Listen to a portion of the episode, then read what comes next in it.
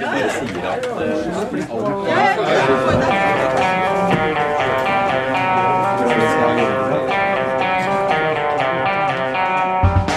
Ikke visste jeg at alle disse dagene som kom og gikk, de var selve uke 47. Og for en uke! Høykonjunktur for politisk kommentarjournalistikk, Hanne og Hans Petter. Er du gæren? Dette har vært gøy. Det har gått så hardt for seg at du og jeg begynte å krangle live. ja, det, vi pleier ikke å gjøre det live. Vi Gjør det ofte ellers, Anders. Vi krangler mye på møtene, men uh, vi har klart å holde det stort sett unna studio. Det har jo vært, uh, har jo vært noen episoder uh, før også. Men vi har to gjester som vi snart skal presentere. men... Jeg skulle prøve å forklare dem hva vi hadde krangla om, men du var ikke enig i min forklaring. av hva vi hadde krangla om. Du tok helt feil, Anders. Kan ikke du gi en rask recap på hva vi krangla om? Du, du, sa at det var representantens ansvar å passe på reglene. Det var jeg helt enig i. Men jeg, var, unnskyld, representantens ansvar å passe på reglene, det var jeg helt enig i. Men jeg nyanserte bildet med å si at også administrasjonen har et ansvar for å rettlede og rapportere inn osv. Uten det, at det fratar representanten ansvaret. Og det var du kjempeuenig i?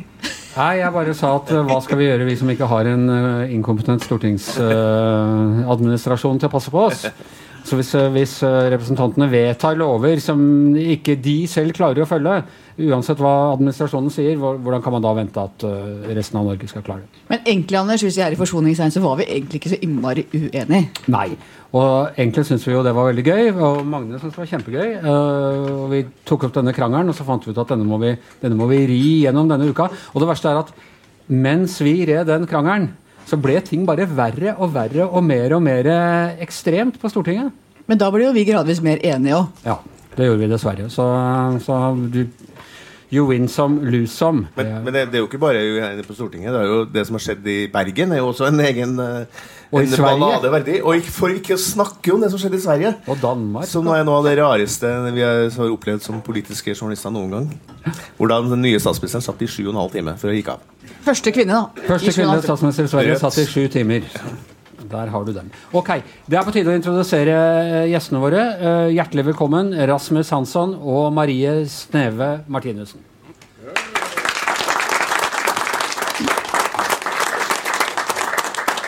Ja, eh, begynne med deg, Marie. Du sa til meg nå før vi gikk på at dere har hatt det moro nå, men det har vel dere òg? Det er litt moro når det Eller er, det, er du bare trist på nasjonalforsamlingens vegne?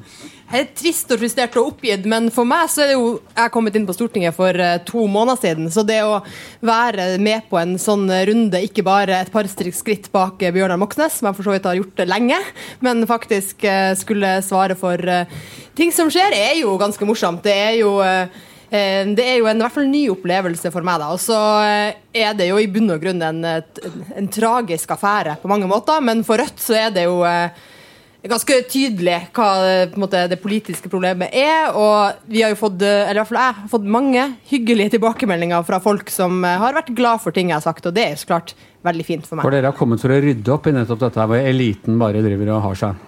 Ja, altså det er jo ganske hårreisende eh, hvordan holdning man har. Ikke bare at man gjør feil, som er menneskelig å gjøre, men kanskje håndteringa av de feilene man gjør, som er aller mest eh, hårreisende. Og da er det jo mange som blir veldig mumlete i de andre partiene, syns jeg. Og det handler nok litt om at man har mange skjelett i sine egne skap og vil passe på det. Men også at det er en sånn kollegialitet på Stortinget som jeg jo ikke har rukket å bli en del av, og sikkert nå kommer til å være ekskludert der for resten av livet mitt. Men eh, det er jo litt sånn man har forståelse for hverandre, og ja, du tenkte sikkert riktig, og det var hyggelig, og du er snill, liksom. Eh, så jeg har kanskje spist for lite i stortingskantina til å liksom få de relasjonene som gjør at jeg har den grenseløse forståelsen. Det er ingen som kommer til deg og sier noe, du er jo klar over at hvis du bare tar en hybel hos Trond Giske der, så kan du føre opp uh... Det er ingen som har tipsa meg om det, for det hadde jo åpenbart vært den beste løsninga for meg. Eh, Rasmus uh, Hansson, du har, har, noe mer erfaring her. Uh, hvordan har du opplevd uka som gikk, og denne situasjonen? Nei, altså det, er jo, det er jo trist. to ting som er trist. og Det ene er at det er en kultur hvor det er så stor vilje til å ordne seg. Ja, for det, er, for det er en ukultur? Dette? Ja, det er en ukultur. Det er, eh, det er en, et, et, samrøre mellom en vennlig administrasjon og noen politikere som venter greie løsninger. Og det er skikkelig ille. Eh, Så det liker jeg ikke. Og så syns jeg det er synd at det var bare oss eh, i MDG og Rødt og andre som sier det høyt tydelig. Ja, etter hvert så kom Fremskrittspartiet. Det var eh, undertegnede som turte å si det som skulle sies først. Men, men de kom jo tassende, i hvert fall en del, etter hvert. Men det er jo den andre tingen som er sørgelig. Den eh, for store forståelsen, som du sier, for at eh, ja, ja, liksom, det, dette må vi se litt stort på. Eh, ting som man ikke bør se stort på. Men eh, jeg tenker på, når, du går ut så hardt med først og går ut sånn, er, er, du, er du trygg på utspillet ditt er, er du trygg på at du At når du krever at, eh, at det her skal ende opp at du bør gå av, er, du sikker på den, den saken når du går ut med den? Ja? Denne, denne saken er jeg helt sikker, og det er jeg ordentlig, fortsatt ordentlig forundret på over at ikke alle andre er sikre på. Altså, når det skjer noe i et system man er uh, sjef for, som ikke burde, sett, ikke burde skjedd, så er jo det man gjør å ta ansvaret. Det er jo helt vanlige regjeringer, det er helt vanlige store bedrifter. Selv om det er en eller annen gjøk langt nede i systemet som har gjort noe gærent, så tar sjefen det ansvaret for å vise at ansvaret blir tatt, og at nødvendige prosesser blir satt i gang. Og at det var satt så langt inne på Stortinget, og at det var så utrolig få, nærmere bestemt ingen, eh, i første omgang, eh, andre enn meg, som sa det, det skjønner jeg fortsatt ikke helt. Og derfor så, Jeg lurer litt på om det var etter at jeg ikke skjønte. Ja, men, Men, man, man men, men, det bør man. Det er jo Men nå- det er men en egenskap jeg for, forsøker å ha med meg fortsatt. Men nå har jo advokat Elden sagt at du tok feil. Da, det, ja, det er han jo godt betalt for. Jeg vet ikke om han har tatt, tatt pant i stortingsboligen til, eh, til eh, Eva Kristin Hansen for, eh, for å få betalt for å si det. Men det er i hvert fall eh, Jeg syns det er rart at ikke det var veldig opplagt. At helt uavhengig av hennes spesifikke skyld i den saken, så var hun stortingspresident. Og hadde dessuten det der i, i ryggsekken. Jeg skjønner ikke at det ikke var helt opplagt at hun måtte bare gå før purken kom etter henne. Men hva tenker du om, altså, Apropos purker og røvere, hva tenker du om at Elden har kommet inn? Er, er du redd han skal få deg stevnet Nei. for injurier? eller? Nei, det syns jeg er helt greit. Det, finnes en annen, det finnes en annen side av dette, her, og det er jo sagt i avisa deres også, eh, at de som har eh, vært involvert i disse sakene, de må jo få lov til å forklare seg. Eh, særlig når de har fått en, en, en politietterforskning som går i deres retning, og den der enorme belastningen som dette Det er jo en kjempebelastning for de menneskene. Det er jo bare å være helt klar over. Når man får VG etter seg, det er ikke noen spøk. Eh, ja, det er virkelig ikke noen spøk. Altså. Man undervurderer hvor ille det er for folk. Jeg tror ikke Eh, noen da- undervurderer Ingen jeg har møtt har undervurdert det. Nei, det er flott. Men det er, det, det er å liksom, se de folka på nært hold, det gjør inntrykk. Men, Men, altså, eh, men de har Nei. det. Ja, det er eh, Det skal vi ta i en egen podkast. Men det er eh, eh, en selvfølge at de om å få lov til å komme med sin versjon før man konkluderer. Men det er jo litt spesielt at, at man har en strafferettsadvokat, en av Norges aller beste strafferettsadvokater, som prosederer en avtroppende stortingspresidents sak i Politisk kvarter er- på en torsdag morgen. Det er veldig rart. og Det første utspillet hans der han mente at Stortinget måtte utsette valget av en ny stortingspresident, det fikk meg til å eh, ja, se helt i vinkel. fordi det er jo ikke sånn at kriteriet for å være stortingspresident er at du ikke har blitt dømt for noe straffbart. Det er 168 stortingsrepresentanter som ikke er stortingspresidenter. Stortingspresidenten er jo på en måte ordstyreren til Stortinget, elevrådslederen til Stortinget, som vi velger.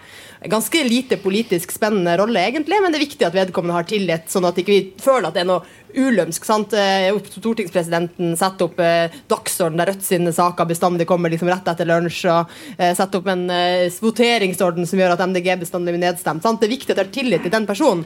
Og så kommer da Elden og sier at nei, men fordi hun ikke er straffa, så, så kan ikke dere liksom velge stortingspresident. Og da blir jeg litt bekymra for hans uh, syn på uh, ja, det her tredelinga i, i norsk uh, ja, altså mellom eh, lovgivende og dømmende, som han da er involvert i, da, eh, organ. Fordi eh, han har jo rett og slett ingenting med det å gjøre. og det eh, Han har ikke fått det som han ville heller. Vi valgte jo ny stortingspresident i dag. Ja. Men det, det er jo som du sier at eh, det er, det er jo direkte sprøtt når en sånn sak, altså stortingspresidentens avgang, blir en slags sånn privatsak som prosederes i media av en privat øh, øh, forsvarsadvokat. Det er merkelig. Hun, altså Eva Kristin Hansen har rett til å forsvare seg. Men det, den omdreiningen som Elden øh, bidrar med, den gjør jo denne saken enda mer pinlig eh, for folkevalgte enn eh, i hvert fall jeg trodde den kunne bli. Alvorlig her er jo hva det, alle disse sakene, for det har vært en rekke saker, gjør med tilliten til Stortinget og dypest sett til eh, demokratiet. Det er jo det som er den store uroen her, tror jeg, for mange. Ja, for det, altså, det har jo kommet fram at de er uklare, disse reglene. Man klarer ikke helt å liksom presentere når var det det ble innført at det skulle være så De så langt er ikke unna. uklare. Nei, jeg er veldig glad for å høre deg si det. Nei, det, det er ikke uklart at du må bo lenger enn fire mil fra uh, Stortinget Men er det for å få uklart en at du, pendlerbolig. at, at du kan uh, melde at du er på hybel hos en kamerat? eh? Altså, det, det er jo det som er hele saken. Nemlig at det er plutselig blir tillatt å se på alt annet enn poenget. Poenget er hvis du bor så langt unna Stortinget at du har vanskelig for å komme på jobben om morgenen, så får du en hybel. Hvis du bor innafor fire mil, så kan du ta bussen som andre folk. Det er vitsen. Alt det andre med folkeregistrering og regninger og boliger og mamma og pappa er jo staffasje for å slippe unna poenget.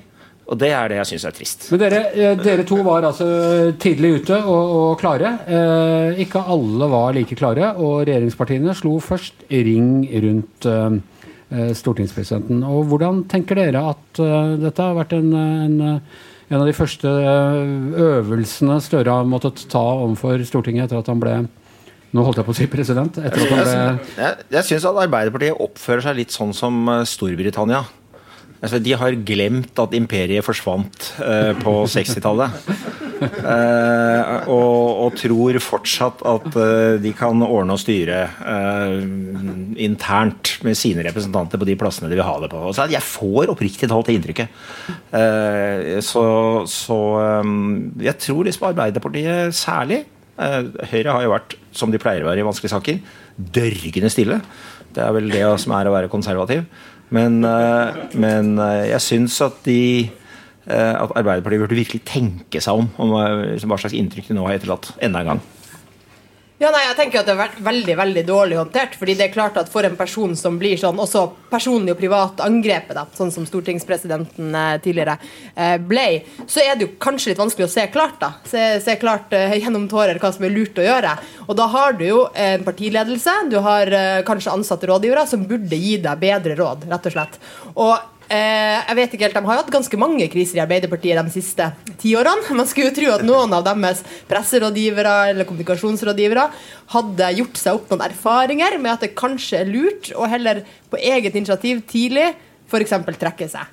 Eh, og prestisjen i å være stortingspresident er jo heller ikke så veldig stor. Eh, jeg syns det er noe som er litt rart her òg, at man skal liksom klamre seg sånn til en rolle. Og Det er jo nesten til kongen, da. ja, det er jo det. Så du får lov til å hilse på kongen, og du får lov til å hilse på masse folk, være vertskap. Jeg vet ikke helt. Jeg tror det er kanskje utafor Rødt er det en del som syns at det er en ganske ja, ja, ja, stil. Men du, Ja, når de skulle velge en ny person, så var det jo mange som ikke ville være det, faktisk. Men er Det ikke, er ikke saken egentlig omvendt? At, at presidentposisjonen på Stortinget har blitt devaluert? på en måte? Har det, før var det jo en slags patina liksom, sånn storhet rundt det. Mens eh, Så nå har det blitt litt sånn. Men, jo, men nå snakker vi før snakker vi på, f- f- Guttorm Hansen snakker vi om. Ja, vi snakker I gamle dager. Eller Se Jo John Benko, Hambro. eller Jo Benko, for eksempel. Jeg husker Guttorm Hansen. Ja, jeg er helt enig.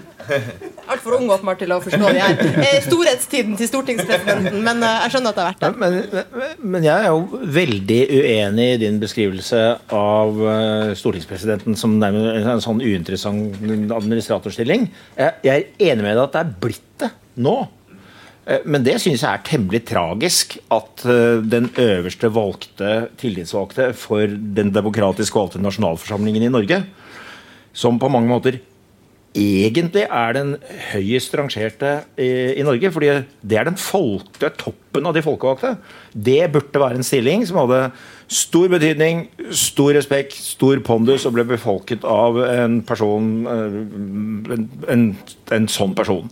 Og så er jeg helt enig i deg at eh, Høyre og Arbeiderpartiet har aktivt devaluert den stillingen eh, ved å gjøre det til en sånn lang og to, tro tjenestepost som de setter sine forskjellige folk i.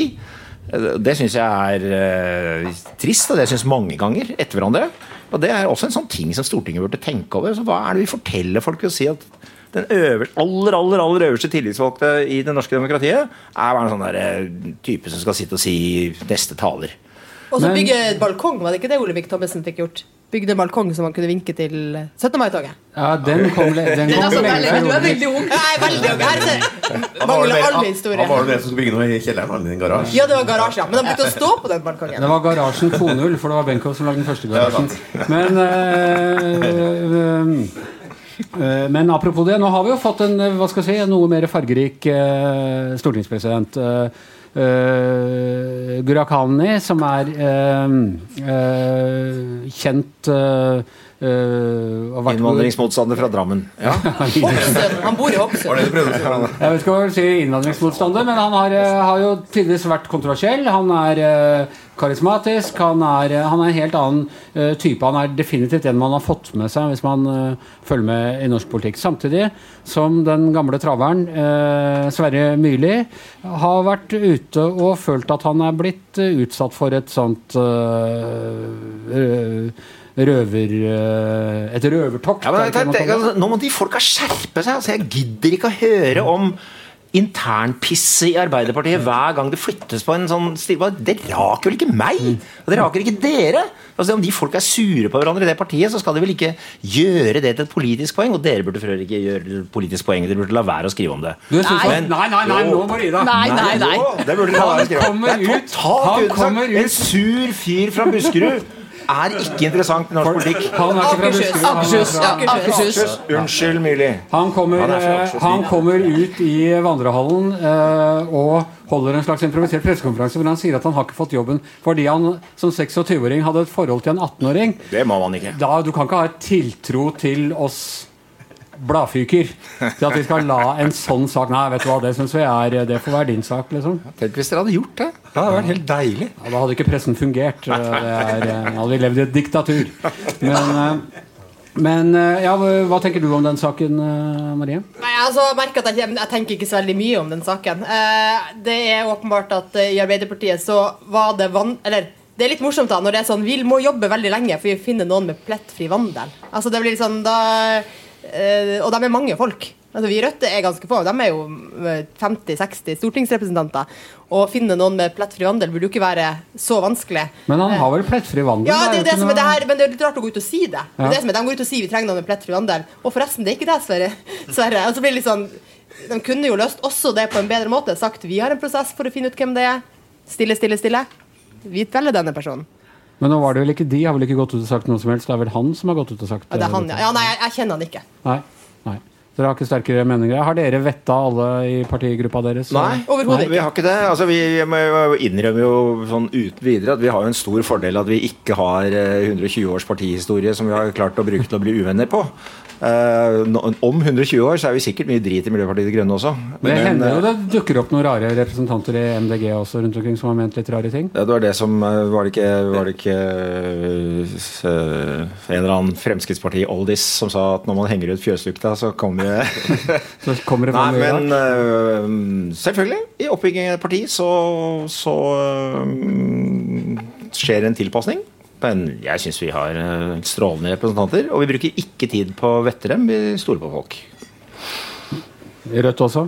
Nei, altså, Det spørs hva du mener med Dere vettet. må vette altså, litt i rødt. Ja, altså det, det som jo så klart jeg mener var viktig for oss å gjøre, og jeg skulle hadde tenkt at alle andre gjorde, var jo at når man blir valgt inn på Stortinget, så snakker man om det her med sånne økonomiske ordninger, og hvordan de skal brukes, hvordan man skal forholde seg til dem, ganske grundig. Og Ropstad-saken var jo i valgkampen, og noe av det første vi gjorde når vi samla gruppa vår, var å diskutere det. Hvor bor alle sammen? hvordan er det der igjen? Det brukte vi mye tid på. Det er kanskje det som overrasker meg mest da Eva Kristin Hansen påstår at hun liksom ikke tenkte på det. Det er så klart, Du skjønner jo at du er blitt valgt til stortingsrepresentant. Mange er interessert i hvordan du lever ditt liv og hvordan du eh, ja, bruker systemet. Og den delen har vi vetta veldig bra, men jeg kan ikke si at vi har, har bedt om noe sånn register over eh, kjærlighetsforhold som er helt innafor si, både loven og moralen. Eh, Dere betaler også partiskatt, gjør dere ikke det? Det gjør vi definitivt. Så vi hadde et, eh, vi har Landsstyret vårt i eh, vår har bestemt hva vi skal betale inn i partiskatt. Hvor mye er det? Uh, Det er sånn at vi har Regelen er det som ble vedtatt, er at vi skal ha gjennoms, gjennomsnittslønna i Norge pluss 20% for ubekvem arbeidstid og, eh, og sånt, for vi teller jo ikke det. Så da lander vi jo eh, der at jeg eh, At vi lander vel på ca. 700 000, da. Som vi da har i lønn, og så betaler vi resten i partiskatt. Hva med dere, Rasmus? Ja, vi har ikke, ikke fast parti, partiskatt, men vi har en, en oversikt over hva forskjellige folk uh, betaler inn frivillig. Eh, og vi- Offentlig oversikt. Alle får se hvor mye alle gir. eh, jeg vet ikke hvor offentlig den er. Vi har Ja, altså offentlig for dere imellom. sånn- Ja, Kan du gå inn og altså, se hva- jeg, har ikke, jeg har liksom ikke. Jeg har i Kan du gå inn og sett se hva Eivind sånn- betaler? Liksom? Nei, jeg tror, jeg, jeg tror jeg kan gå inn og se hva Eivind Tredal har sagt at han betaler. Og Eivind Tredal kan se hva jeg har sagt at han betaler, og så kan han sjekke eh, Men dere- at jeg har- rett. Og jeg har kjempegod samvittighet, bare så dere vet det. Ja, hvor mye har du gitt? Men- men sånn- over eh, klimaavtrykket, da. Sikkert. Ja, det burde vi ja, det vi også ha, ha. men, men det, det har vi jo altså, i praksis. Nei, men øh, hos oss er det sånn at folk betaler litt etter evne. øh, men det er en veldig sterk kultur for at folk betaler mye. øh, og det er det mange av oss som har, har, har gjort. Men så er jo Altså folk i forskjellige Altså betaler til partiet? Ja, betaler til partiet direkte eller indirekte. øh, og og det blir mange penger fra mange folk. Og det vi har offentliggjort, er liksom totalsummen av Hvordan interne gaver. indirekte? Hvordan betaler man indirekte? Ved f.eks. å ta seg fri mange måneder fra en godt betalt direktørjobb og jobbe gratis på partiet. Ehm, sånn at eh, Jeg tror vi har en ordning som fungerer veldig godt. Men det har ikke vært ønske om en sånn fast sum, uavhengig av hva slags livssituasjon folk er i. Ok. Eh, når det gjelder da Jonas og håndteringen altså Dere er jo nå begge opposisjon. Eh, men, og du, Rasmus Hansson, du har jo egentlig åpna for at du kan skifte side, til og med. Er det, Hvis eh, Jonas Gahr Støre og regjeringen fremstår som svake, vil dere fortsette å rugge på dem til Ja, vi vil fortsette å rugge på dem. Og, og vel så det, altså det.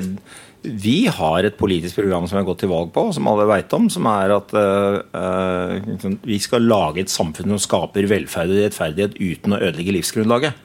Og For å gjøre det så må vi forandre den måten vi driver samfunnet vårt på ganske kraftig. Alle sier i forskjellige varianter at det vil de også gjøre.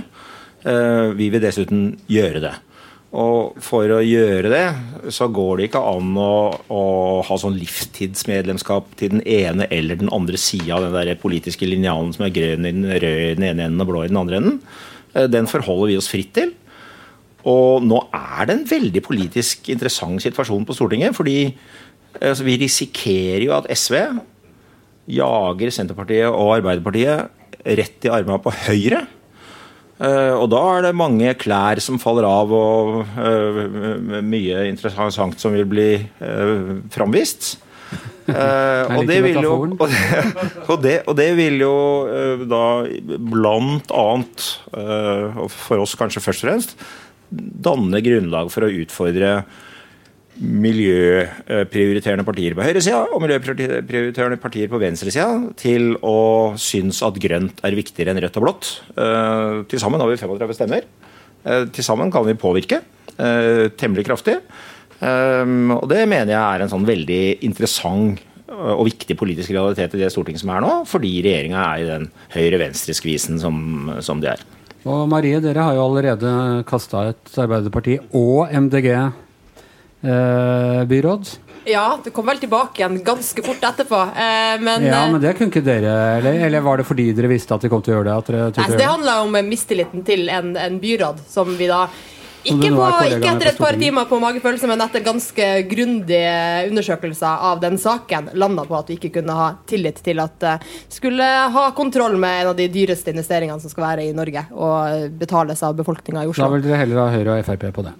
Eh, Det, var, altså, det her er jo en beslutning som eh, Rødt i Oslo tok, og jeg er valgt inn for Akershus og er nestleder i partiet nasjonalt. Jeg ser men, Rasmus blir litt mørk i ansiktet under dette. her. Men det her han- smiler et strålende smil, kan vi ikke se det? Men eh, det er, jo, eh, det er jo det som er realiteten i en eh, sånn parlamentarisk struktur da, som man har i Oslo og Bergen og i eh, nasjonalt.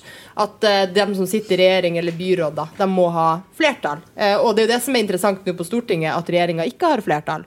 Og jeg er jo veldig spent også på hva som skjer i disse budsjettforhandlingene. For jeg tenker at den virkelige fallhøyden nå, den er det jo eh, Arbeiderpartiet og Senterpartiet som som st står overfor, fordi de har lovt folk en ny kurs. Vært ganske hard i opposisjon. Mer og mer hard i opposisjon egentlig de siste årene under, uh, under høyreregjeringa. Og eh, så har de levert budsjett og plattform som er ganske sånn soft, da. Eh, og jeg tror jo at det sterke mandatet de har fått, der de jo egentlig ganske ofte teller med Rødt når de prøver å si sånn vi har liksom vunnet valget. Eh, og Rødt er jo et ganske mer radikalt og utålmodig parti da, enn de som sitter i regjering. Så jeg tror at hvis de ikke klarer å levere på det, da er det egentlig dem som sliter mer enn en SV og enn Rødt. Men kan- og det vet jeg av gjenstår å se om de klarer. Men kan dere på et tidspunkt kaste en Jonas Gahr Støre til fordel for en Erna Solberg? Altså, vi har Dere er, jo, dere er jo ikke flytende som MDG, dere er jo faktisk lengst, lengst, lengst ute på venstresida. Det er vi jo definitivt. Eh, og vi sa jo at eh, hovedjobben var å kaste Erna Solbergs regjering, og det var vi med på og gjorde liksom i valget. Eh, og så har jo vi sagt at vi ikke eh, har noe har noe binding til den regjeringa som er nå.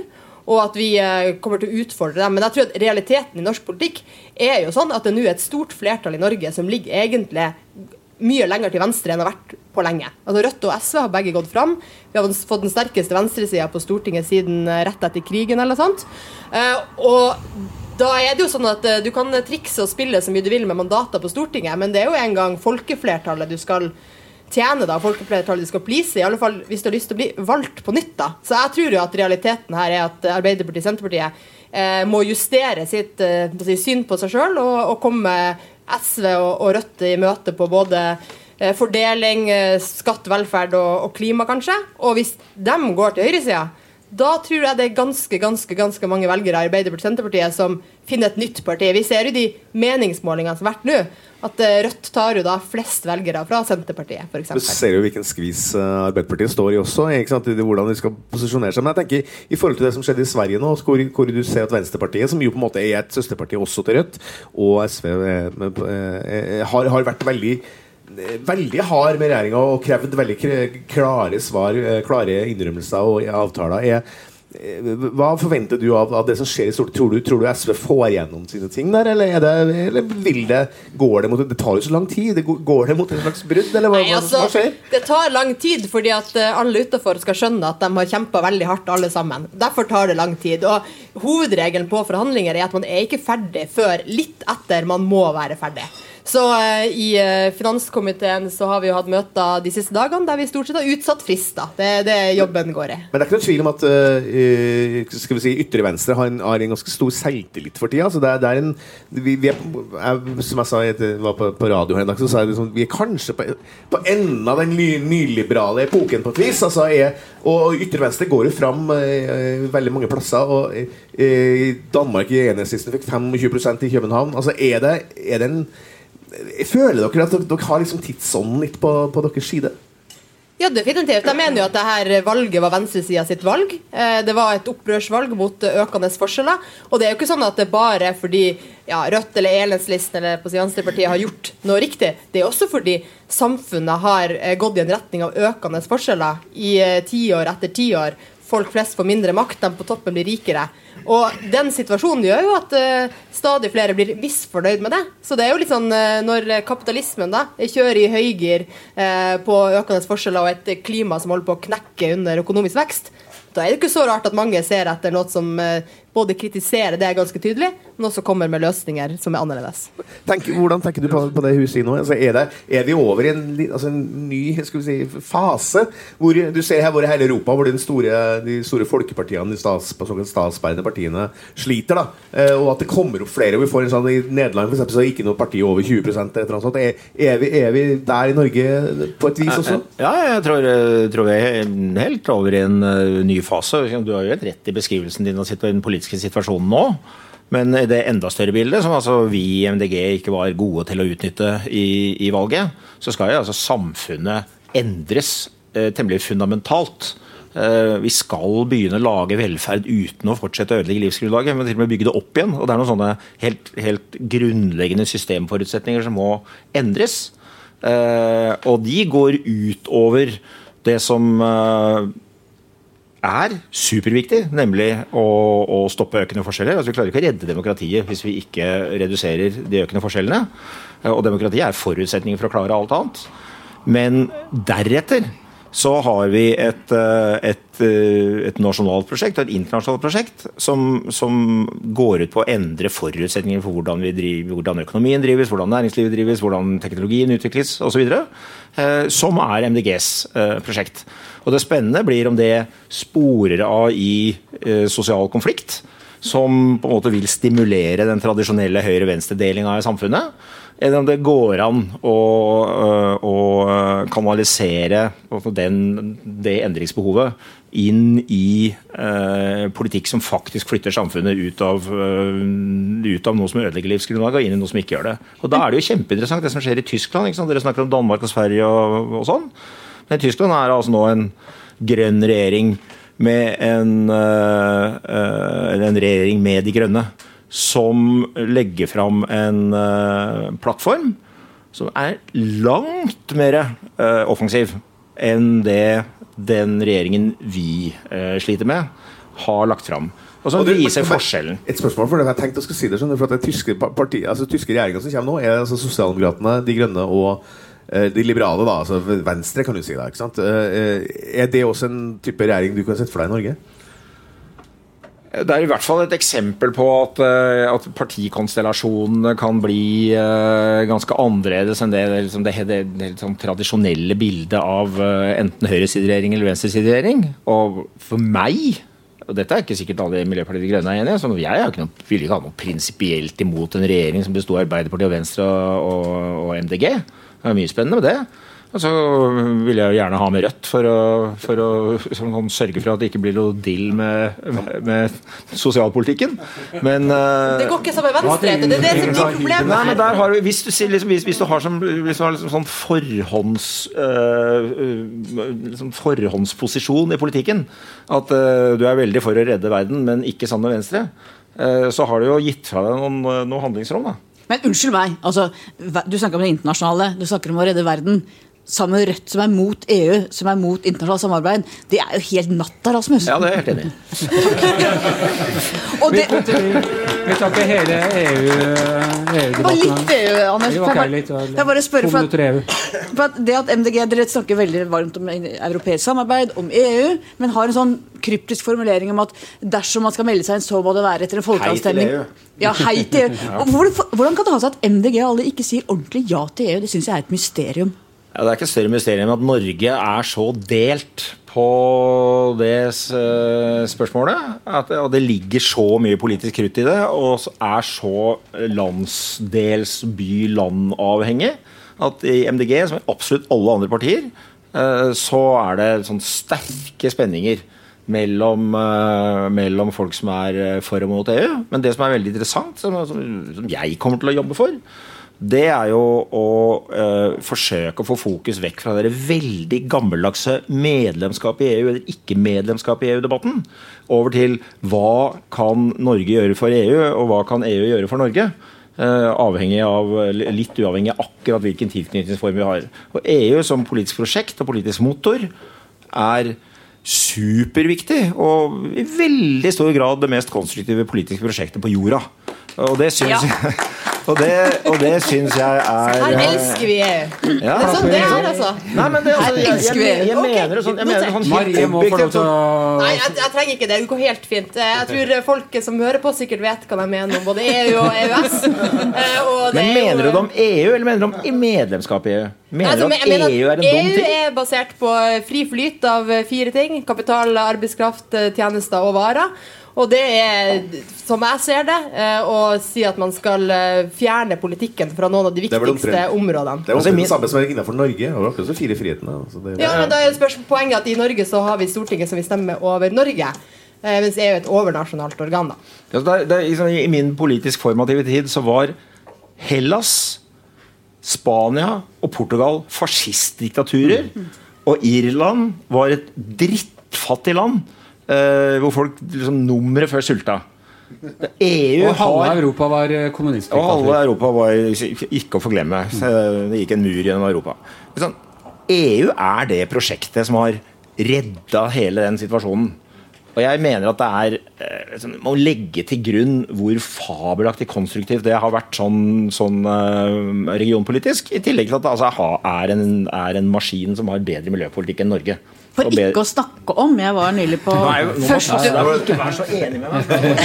Hold opp og si det jeg sier. Er det fælt for deg at jeg er med deg? Ja.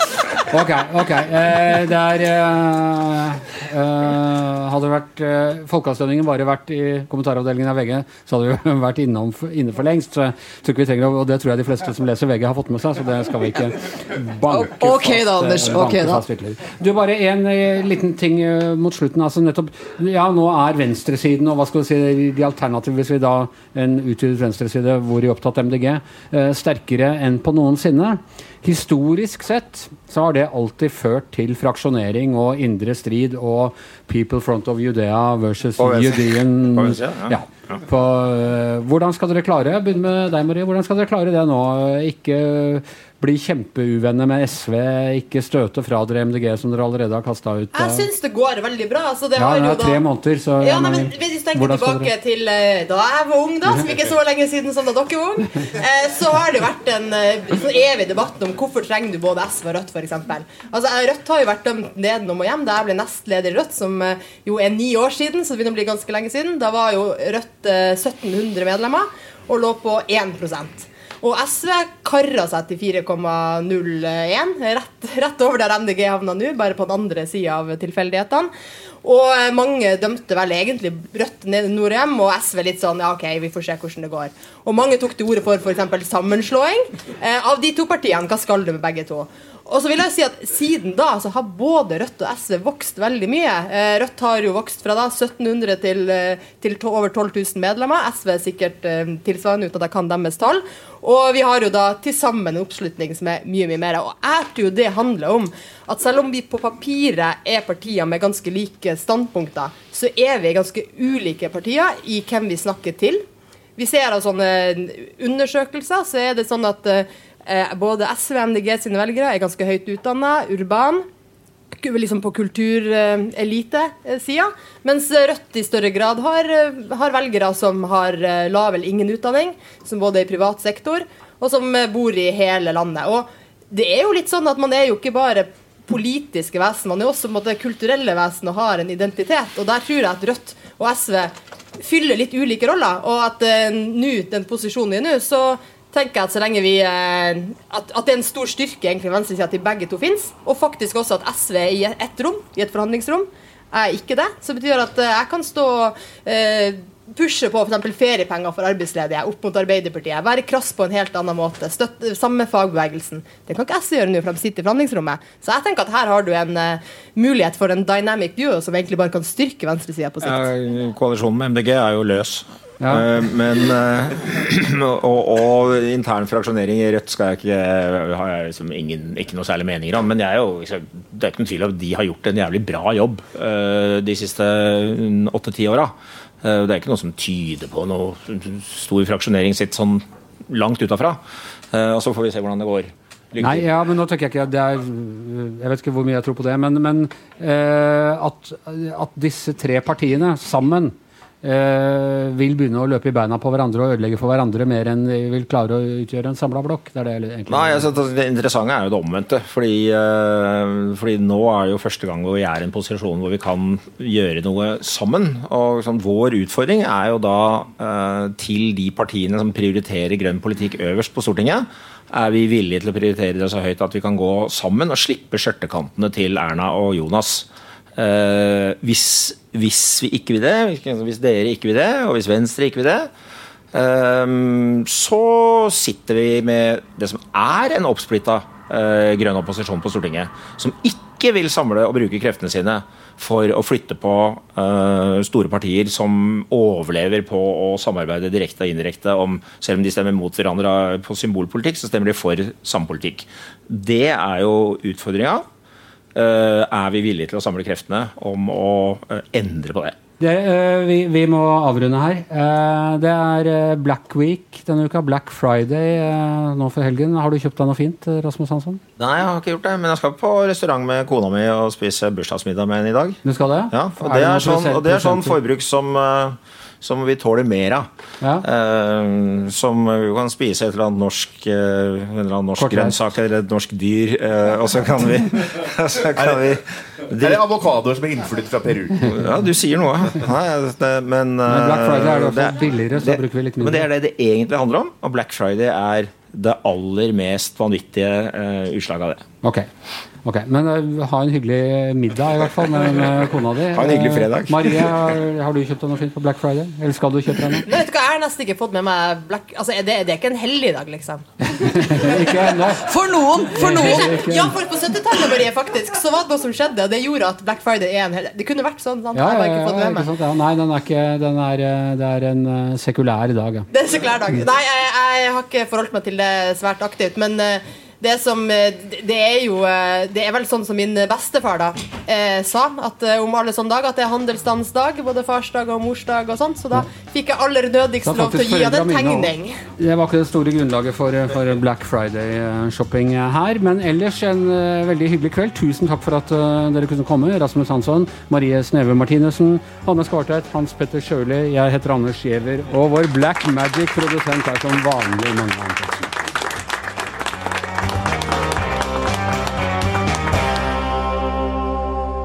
Du har hørt en podkast fra VG.